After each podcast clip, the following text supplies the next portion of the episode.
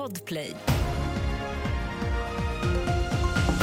Här är senaste nytt. SJ slutar sälja ombokningsbara tågbiljetter från den 1 april. Anledningen är att SJ under nästa år ska byta bokningssystem och därför behöver förbereda sig inför bytet, men det kommer fortfarande gå att välja avbokningsbara biljetter. Ett flerfamiljshus i Sundbyberg norr om Stockholm fick stora skador vid en explosion i natt och en man med kopplingar till gängkriminalitet ska vara skriven på adressen.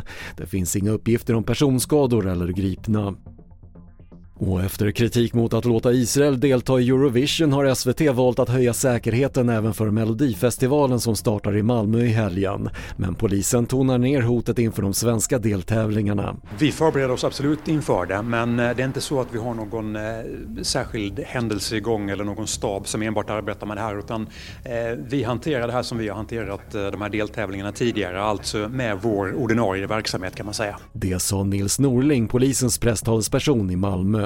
Och fler nyheter på tv4.se. Jag heter Patrik Lindström.